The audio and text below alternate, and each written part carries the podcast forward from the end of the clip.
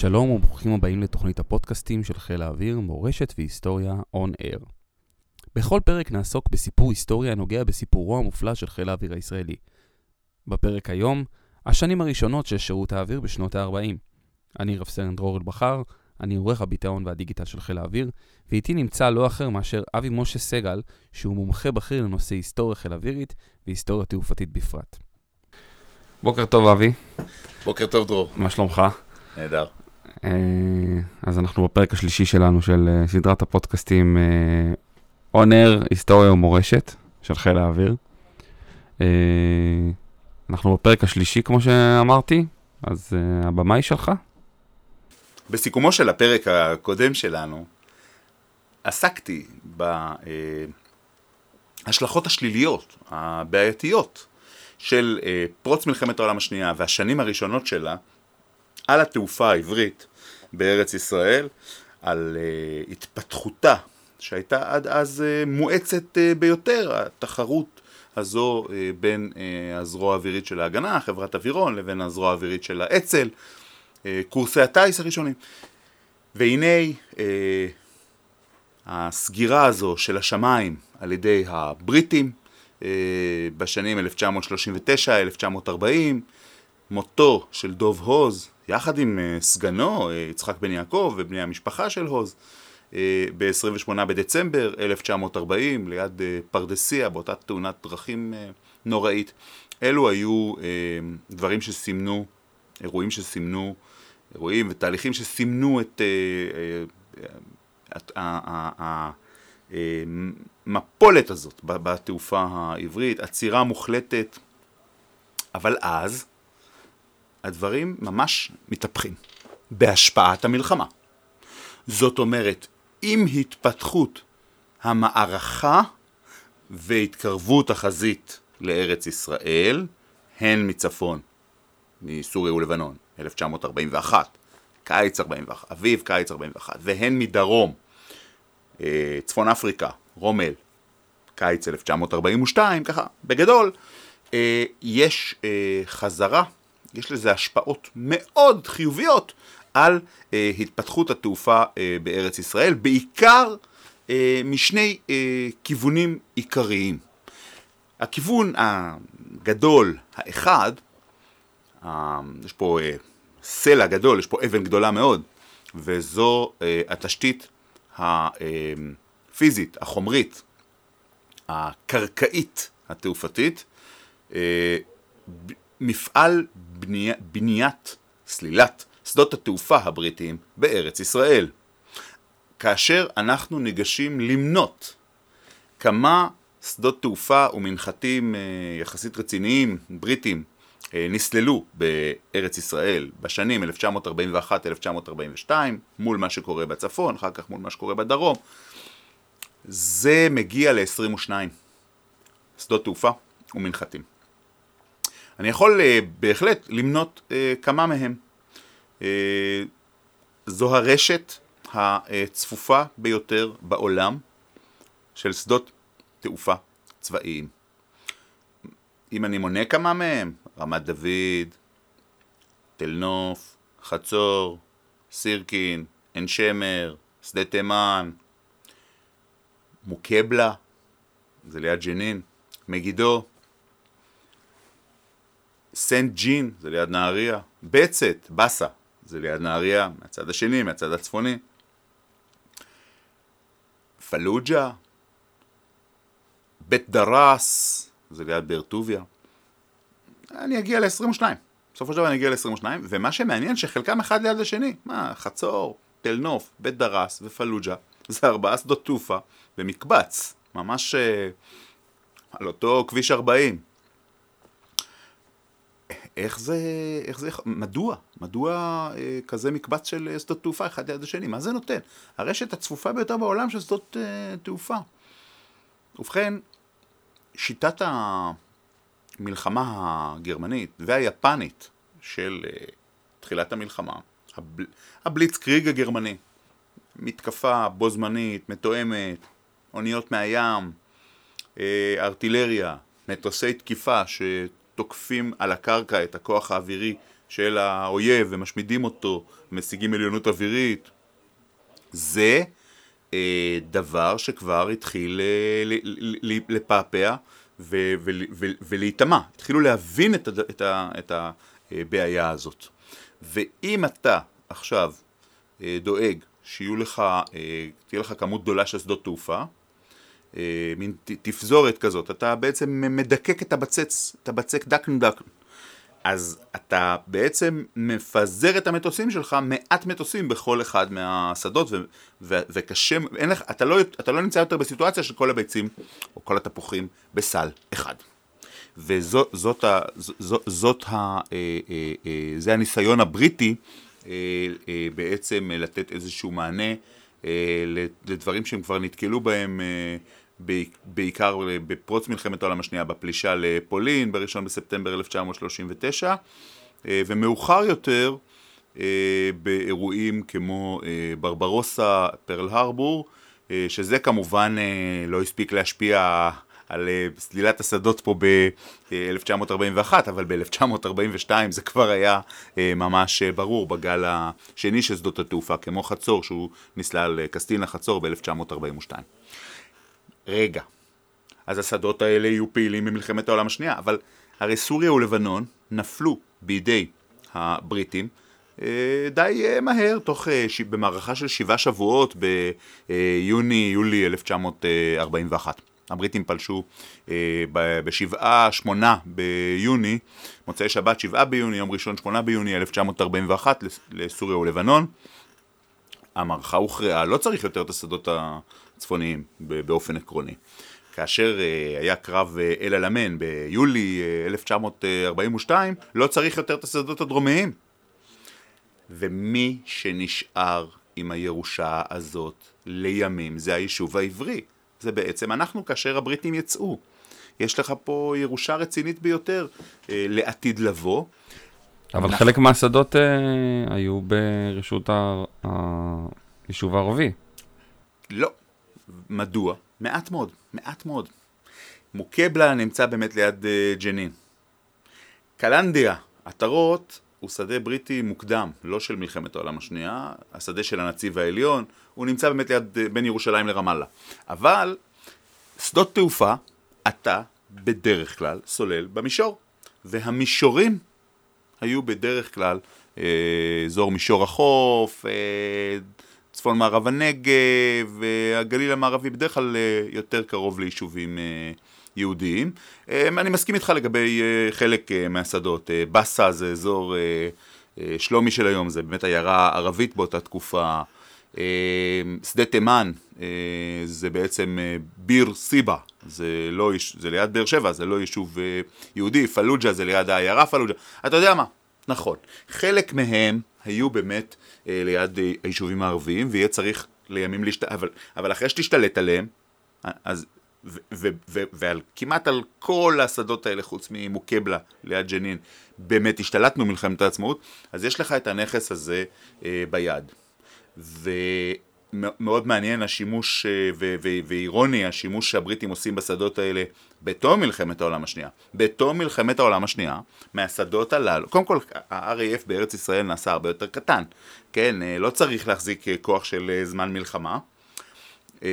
מטוסי קרב, מיירטים, כמעט בכלל שלא צריך להחזיק, הם מחזיקים מטוסי סיור ומפציצים, בעיקר במטרה לאתר בים את uh, אותן קליפות האגוז המתנדנדות על הגלים, את uh, ספינות המעפילים של המוסד לעלייה ב', מפציץ, או מטוס סיור בריטי, מפציץ ארבעה מנועים, מטוס סיור דו מנועים, מאתר את האוניית אה, מעפילים, uh, וקורא ל-Royal Navy, אומרת ה-RAF, חיל האוויר המלכותי, קורא לצי המלכותי, ואז המרינס, מגיעות שתי משחטות, מתנגחות באוניית המעפילים, המרינס הבריטים קופצים לסיפון, משתלטים על אוניית המעפילים, גוררים אותה לנמל אה, חיפה, מעלים את המעפילים על אוניית גירוש, והם נשלחים אה, לקפריסין. סבא וסבתא שלי עברו את החוויה המפוקפקת הזאת וישבו איזה שנה בקפריסין כאשר הם אה, הגיעו עם אוניית המעפילים אולואה, אה, חיים ארלוזורוב בפיקודו של לובה אליאב. אבל אה, איך אתה גומל להם לבריטים על הדבר הזה? אפשר ו- וניתן לגמול להם על הדבר הזה, וזה האירוע המרתק של אה, ליל המטוסים, הלילה שבין ה-25 ל-26 בפברואר 1946, כאשר אה, תנועת המרי העברית, שמאגדת את שלוש המחתרות, הגנה, אצ"ל ולח"י, אה, אה, מארגנת אה, פעולה, אה, פעולת קומנדו, פשיטה על שלושה שדות תעופה אה, בריטים, אה, סירקין, לח"י, לוד הצבאי, מה שאנחנו קראנו 27, אה, אצ"ל, קסטינה, חצור, אצ"ל, פשיטה באותה שעת שין, מסונקרן, על שלושה שדות תעופה בריטים ופיצוץ של בין, אה, של סביב 30, יש מחלוקת על המספר, בין 30 ל-40 מטוסים בריטים. כמו מבצע מוקד, זה מה שנקרא הזרעים של מבצע מוקד, אבל מה הקרקע? ממש, כן, כן, אה, מאוד נוסח אה, מלחמת העולם השנייה בצפון אפריקה. היו אה, פשיטות כאלה, מאוד נוסח אותה יחידת, אותה יחידת רפאים מדהימה של סטרלינג, שגם ה-SAS, מאוד בנוסח הזה. אה, ש, ש, שבכלל עליו אה, נבנות אה, לימים היחידות המיוחדות בצה"ל ובראשן סיירת מטכ"ל. מאוד מאוד בנוסח הזה. פשיטה פשוט מדהימה, ליל המטוסים, 25-26 בפברואר 1946. זה חיל האוויר המלכותי הבריטי שאחרי מלחמת העולם השנייה פה בארץ. אגב, בעקבות הפעולה הזאת, למחרת היום, כלומר 26 בפברואר 1946 בבוקר, מגיע מפקד ה-RAF במזרח התיכון לקסטינה, נוחת עם מטוס קהל בחצור, ונחרד מהמפציצי ההליפקס השנים שהוא uh, פוגש למרגלות מגדל הפיקוח הבריטי, ומורה שחיל האוויר המלכותי לא ינום ולא יישן בפלסטיין, אלא רק יתאמן פה וילך לישון, המטוסים יחנו בקהיר, בניקוסיה, באמ"ן, לא פה. זה חלק מקץ השלטון הבריטי בארץ ישראל, האירוע הזה של אה, אה, אה, אה, ליל המטוסים. אתמול אה, בבוקר הייתי בחצור עם אה, אלוף במילואים, עידו נחושתן, שאימא שלו, אה, דבורה קלפוס נחושתן, זיכרונה לברכה, הייתה אה, חובשת ולוחמת בפעולה הזו של ליל המטוסים בלוד. בין, אלה, בין אלו שתקפו את uh, השדה הבריטי בלוד. אגב, כאשר מדובר במטוסים דו-מנועים או ארבעה מנועים, כמו בלוד וכמו בקסטינה חצור, הלוחמים צריכים חלק להיות חבלנים עם תרמילי חומרי נפץ, וחלק לבוא עם סולמות, להשעין את הסולמות על המטוס, להגיע, הרי זה מטוסים גבוהים כי יש להם גלגל זנב, להגיע על שורש הכנף, לשים את המטענים, לרוץ כמה, אני יודע, 80 שניות, בום. זאת הייתה הטכניקה. זו, זה, זה לעניין התשתית החומרית, הפיזית, בעצם ישאירו לנו פה לימים, לעתיד לבוא, תשתית מפוארת בנוסח אה, מלחמת העולם השנייה, בריטית אמריקאית, גם האמריקאים השתמשו בשדות התעופה הבריטים בארץ ישראל כדי לטוס מפה לצפון אפריקה, טוברוק, בנגזי, ולתקוף לפני שרומל אה, הובס, וכדי לטוס מפה לבלקן, לרומניה, לשדות הנפט של אה, פלוישטי, ורמת אה, דוד, חצור, ותל נוף בעיקר, שימשו לטיסות היותר ארוכות טווח, בעיקר רמת דוד ותל נוף, מפציצים ארוכי טווח כמו ה-B-24 האמריקאי, היו וילהלמה, לוד, מה שנקרא לימים באחה 27, גם כן שימשה לתפקיד הזה, היו פה טייסות וכנפות של מפציצים אה, אה, אסטרטגיים אה, אמריקאים, והעורף הלוגיסטי שלהם. זאת אומרת, אנחנו לימים נירש את הדבר הזה. אשר לתשתית האנושית, זה מאוד מאוד חשוב. יש, יש, יש את ההוראה הזו של בן גוריון, ההנחיה הזו של בן גוריון, שכרגע אה, נעזוב רגע את המאבק נגד הבריטים בענייני עלייה והתיישבות, אה, נעשה פאוזה ונתגייס אה, לצבא הבריטי נגד היטלר, כי זה כרגע בעדיפות עליונה. ובהתאם להנחיה הזאת, כעשרת אלפים צעירות וצעירים ארץ ישראלים, יהוד, יהודים ארץ ישראלים, היו גם ערבים, אבל uh, כעשרת אלפים צעירות וצעירים יהודים ארץ ישראלים מתגייסים לצבא הבריטי. מתוכם כ-2,500 ל-RAF, לחיל האוויר המלכותי. Uh, כל תפקיד שתעלה על דעתך דרור, כל תפקיד שאתה יכול להעלות על דעתך, מכונאי מטוסים, טכנאי מקם, uh, נהגות משאית, הרבה מאוד בנות היו נהגות בצבא הבריטי בכלל ובחיל האוויר הבריטי בפרט. מקפלות מצנחים, בנות צופן, שידור מוצפן, חוקרי שבויים, מה שאתה רוצה, מודיעין, הרבה מאוד מודיעין בגלל השליטה של יהודים בשפות, הרבה מאוד יהודים ידעו גרמנית, כן? וזה בעצם, אתה מתחיל לדמיין את הפירמידה הזאת, האנושית, שצריך כדי להקים חיל אוויר. כי לימים הם יחזרו הביתה, ומי מביניהם ו- ש- ש- שיישארו uh, פנויים להובלה, עוד לא ילכו לכיוונים אחרים, ויהיו כבר עם uh, משפחה, ויהיו בתוך איזה uh, תפקיד מאתגר בעבודה. מי מהם שעוד יהיו פנויים יוכלו ליטול חלק בהקמתו של חיל האוויר. בשפיץ של הפירמידה הזאת, כמה עשרות, בין 30 ל-40 uh, איש, ש... מצליחים להתקבל לקורס טיס בחיל האוויר הבריטי. הבריטים שמו מכשולות, שמו משקולות, אה, שמו מסננים, ניסו בכל דרך אה, אפשרית אה, להימנע מלהכניס צעירים ארץ ישראל, יהודים מארץ ישראל לקורס טיס, מפני שזה סמלי מאוד, זה, יש פה עניין של הרבה מאוד כבוד ואגו זאת אומרת, אה, אפשר יהיה לבוא ולהגיד, אחרי המלחמה נלחמנו באוויר למען העולם החופשי, עכשיו מדינה, כן? אה, זה, זה, זה, זה יכול... אה, מאוד להפריע להם במהלכים הפוליטיים של אחרי המלחמה. דוד בן גוריון ומשה שרת, ראש המחלקה, משה שרת ראש המחלקה המדינית בסוכנות, נושאים ונותנים עם הבריטים ומגיעים להסכמים והחל מ-1943 מתחילים, אה, כשהמרכז הכובד של המלחמה משתנה, מתחילים להתקבל אה, יותר ויותר צעירים מארץ ישראל לקורסי טיס בחיל האוויר הבריטי. בגדול הראשונים היו אהרון רמז כבר ב-1942, דן טולקובסקי כבר ב-1942, כי הם היו, ב, הם היו בלונדון בלימודים, הם היו שם, והם היו אה, ככה אה, בעמדת אה, זינוק יותר אה, טובה. לעניין הזה. אה, בין אלו שעשו קורס טיס ב-RAF, יש, ישנם, נמצאים כמה מהמפקדים הראשונים של אה, חיל האוויר. צריך לומר למשל על אה, אהרון רמז, שהוא בעצם מפקד חיל האוויר במלחמת העצמאות, הוא המפקד השני רשמית של חיל האוויר, אבל הוא מפקד חיל האוויר במלחמת העצמאות. אה, והוא כבר עשה גם קדנציה אה, רצינית מקיץ 1948 עד סוף 1950, כן, יותר משנתיים של אה, קדנציה, הוא וסגנו הימן שמיר.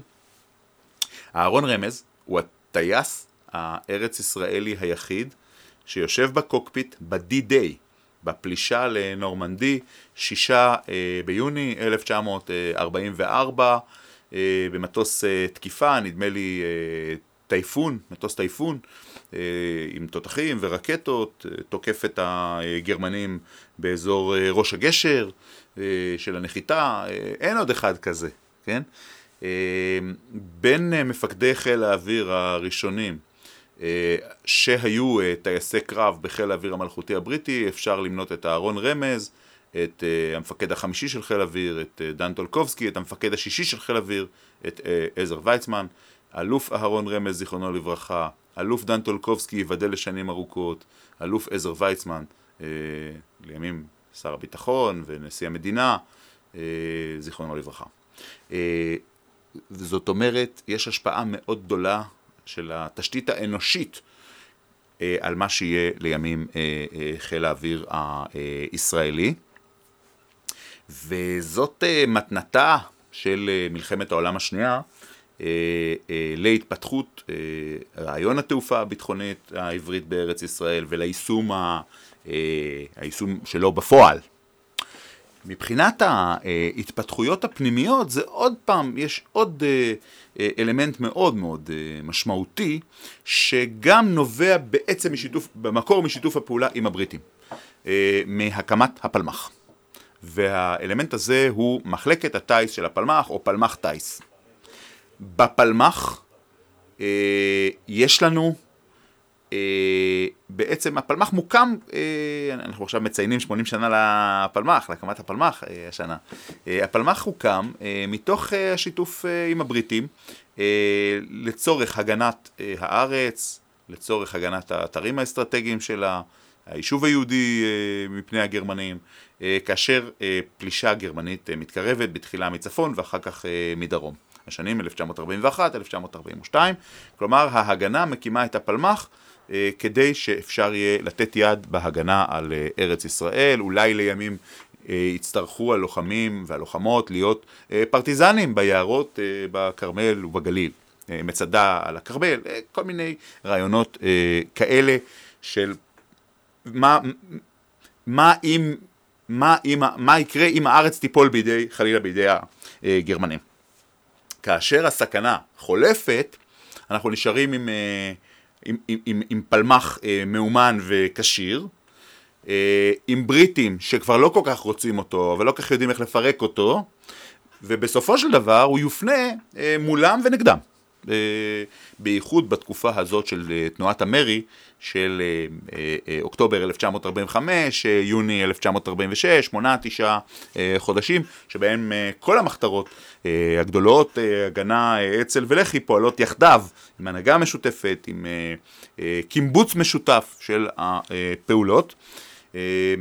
ליל הגשרים, פיצוץ מכ"מים בכרמל, אנשי פלמ"ח מבצעים פעולות קומנדו נגד הבריטים. בפלמ"ח יש פלוגות נגיד רגילות, שאפשר להשוות אותן ללוחמי חי"ר, לפלוגות, לגדודים של לוחמי חי"ר בצבא סדיר, כמו צה"ל של היום, ויש התפתחות של יחידות מיוחדות. יש פליים, הפלמ"ח הימי, שהוא יניח יסודות לשייטת 13 ולחיל הים באופן כללי. יש מחלקת הסיירים, שהיא תניח יסודות ליחידות המיוחדות, לסיירות. יש, ישנה המחלקה הערבית, מחלקת המסתערבים או המחלקה הסורית, שהיא תניח יסודות לאמ"ן, למוסד, לשב"כ, כן, ל-504, המסתערבים הראשונים, וישנה המחלקה, מחלקת הטיס. מחלקת הטיס נולדה באופן אה, קצת שונה מאחיותיה, היחידות המיוחדות האחרות שציינו. כי היה לה תשתית אה, אנושית שלמדה מהבריטים. הפוך, גוטה. הפוך. זה לא אותם אנשים. פה אתה, אתה לא מדבר על אנשים שהיו ב, ב, ב, בחיל האוויר הבריטי, שהתגייסו לחיל האוויר הבריטי. זה אלה שלא התגייסו.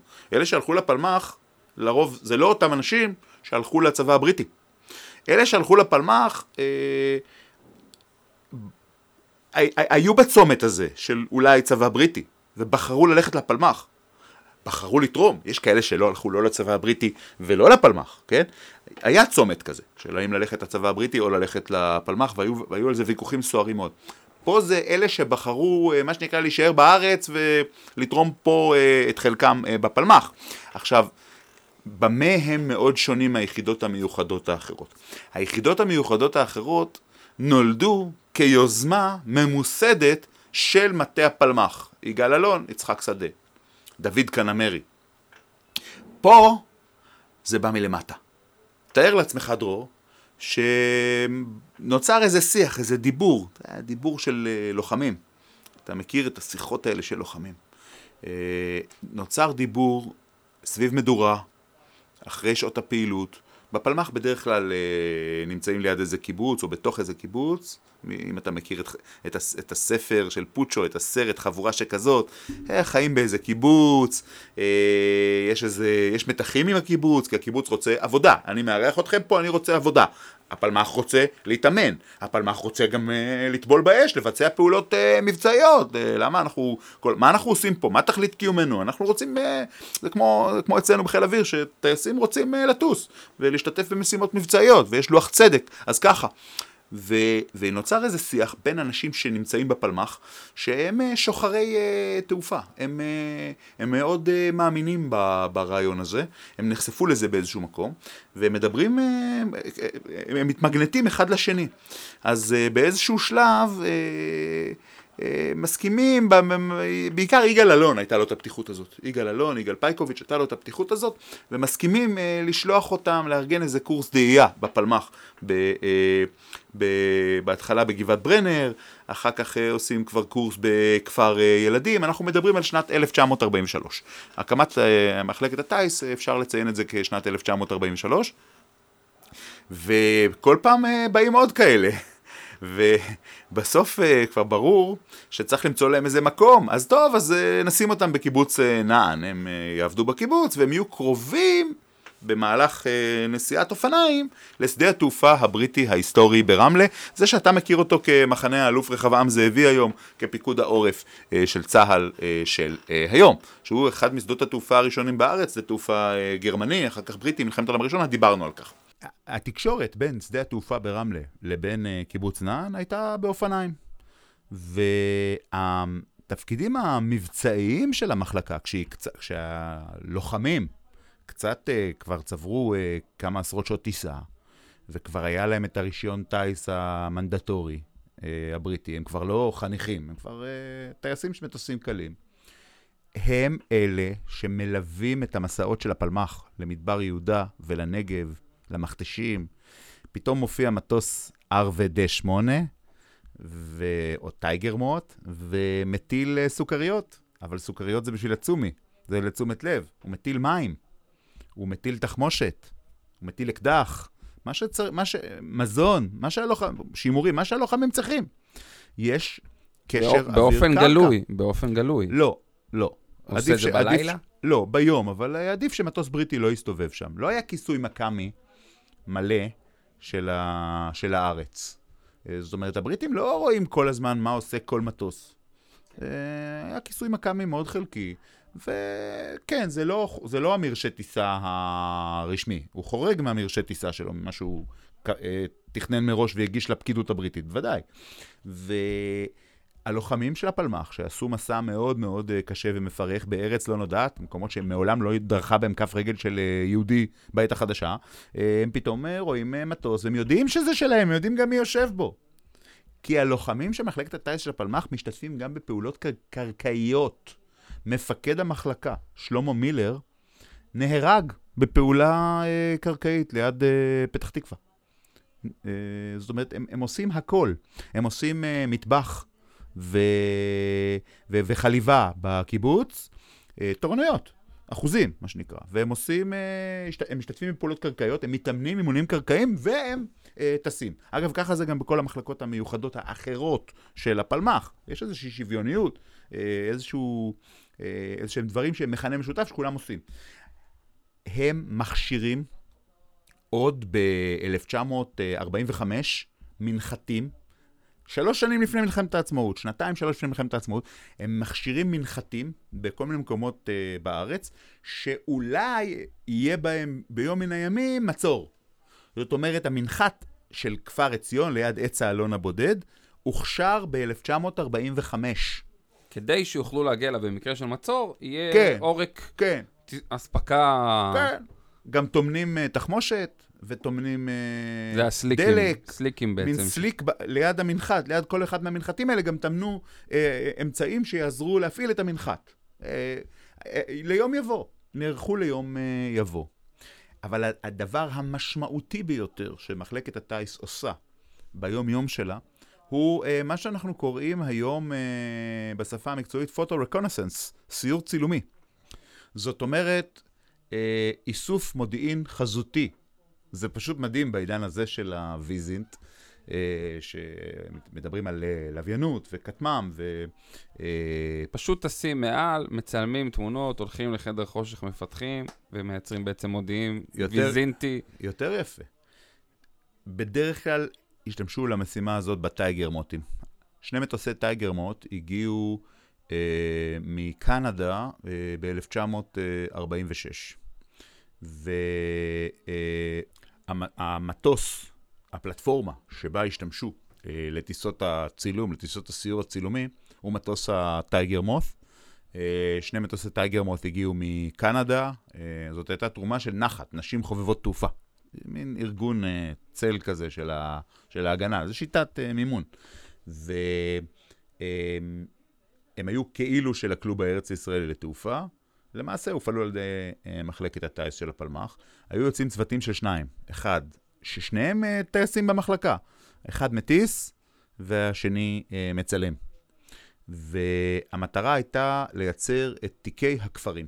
זאת אומרת, לאסוף את המידע החזותי על הכפרים הערביים בכל הארץ, אבל גם צמתים אסטרטגיים, אה, מפעלים, אה, כל מחנות צבא בריטים שאולי יום אחד יעברו אל הערבים או אלינו. וכל זה אתה עושה לאור יום, בלי שהצבא הבריטי... אתה לא עושה את זה בלילה. אין, לא אי אפשר. לצלם בלילה, זה לא צילמו ברור. אז בלילה. כן, אתה עושה את זה לאור יום, ואתה כאילו יצאת לטיסת אימונים.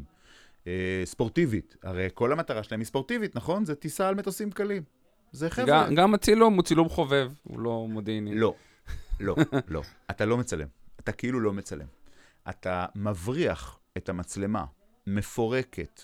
הרי יש ש"ג בריטי בכניסה לשדה ברמלה. אז אתה מבריח את המצלמה המפורקת ואת הפילמים על, על, על הגוף.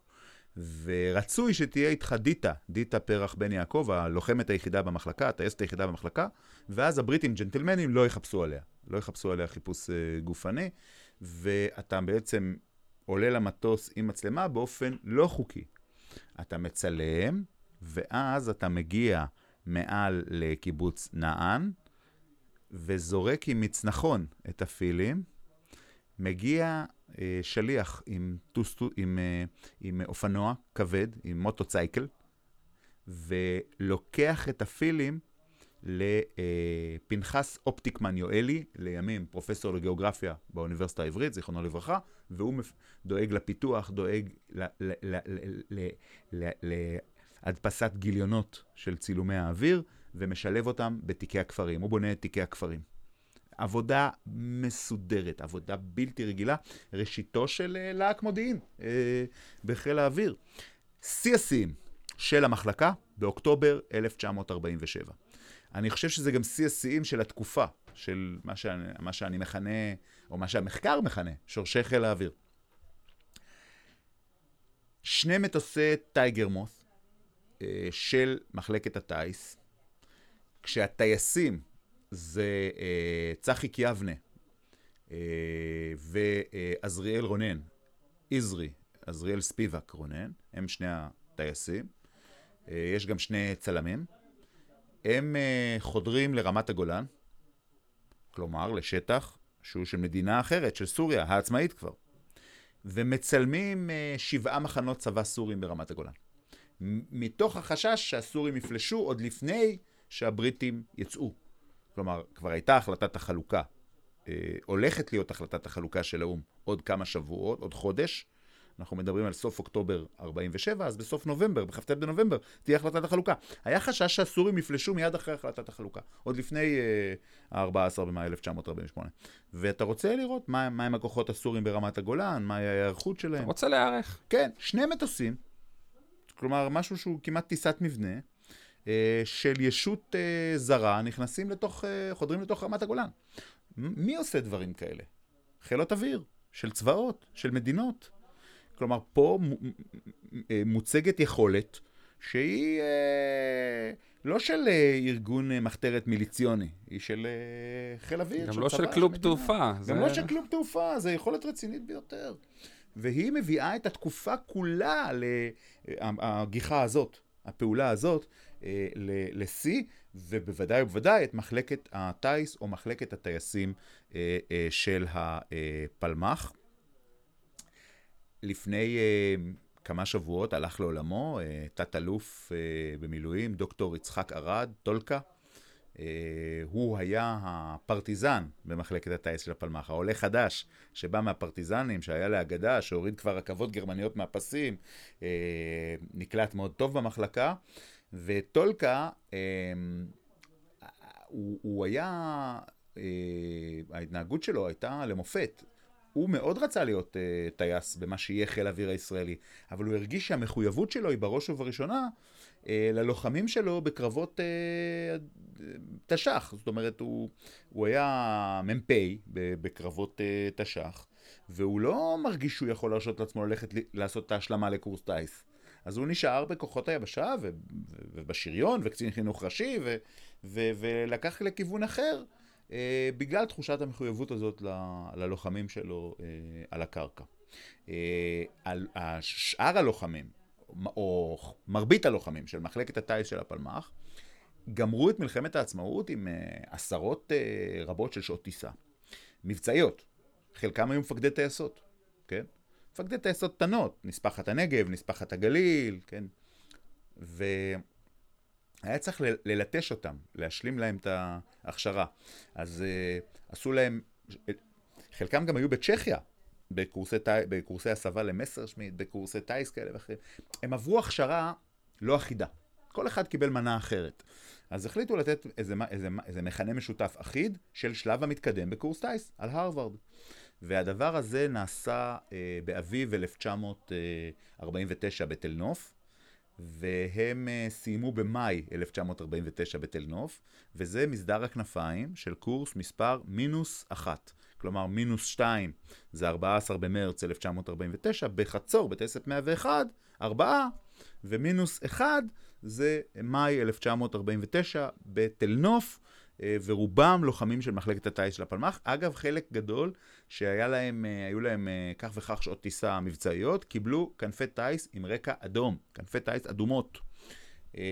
חלק מאנשי המחלקה התפתחו וצמחו בחיל האוויר, אלוף משנה מילואים צחי קיאבנה, סגן אלוף מילואים אלי אייל פיינגר, אלוף משנה מילואים מנחם בר, זכרם לברכה. מנחם בר, מפקד, המפקד הראשון של טייסת הסילון הראשונה, 117, מפקד 109 אה, מסתר, טייסת המסתר השנייה, מפקד רמת דוד, חמש שנים, 1958 עד 1963, מפקד תל נוף, סגנו של מוטי הוד, של מח"א, במלחמת ששת הימים, רמה, ראש מחלקת אוויר, הוא איש מחלקת הטייס של הפלמ"ח, אלוף משנה מילואים משה פלד, פלדמן, זיכרונו לברכה. Uh, מי נותר? מי יש עמנו מהמחלקה המופלאה הזו? אחד, שדווקא הצליח בטיסה, וקיבל את הרישיון אה, טיס המנדטורי. ודווקא הסתדר עם הגרמנית של המדריכים, של אה, אולריש ברייר, אורי ברייר, ושל ארנסט רפפורט, ושל עמנואל צוקרברג. כול, כולם דיברו גרמנית, המדריכים. והיה אחד שעלה מגרמניה, והוא הסתדר איתם. אה, הוא דיבר איתם גרמנית, הוא גם עשה סולו, הוא גם קיבל את הרישיון, עשה סולו על ה-R ו-D8, אבל הוא העדיף, הבחור הזה, בלילות לעשות, אה, לחרות אה, צינורות אה, ולייצר רקטות. אבי הקסאם הישראלי. הוא גם היה משגר אותם.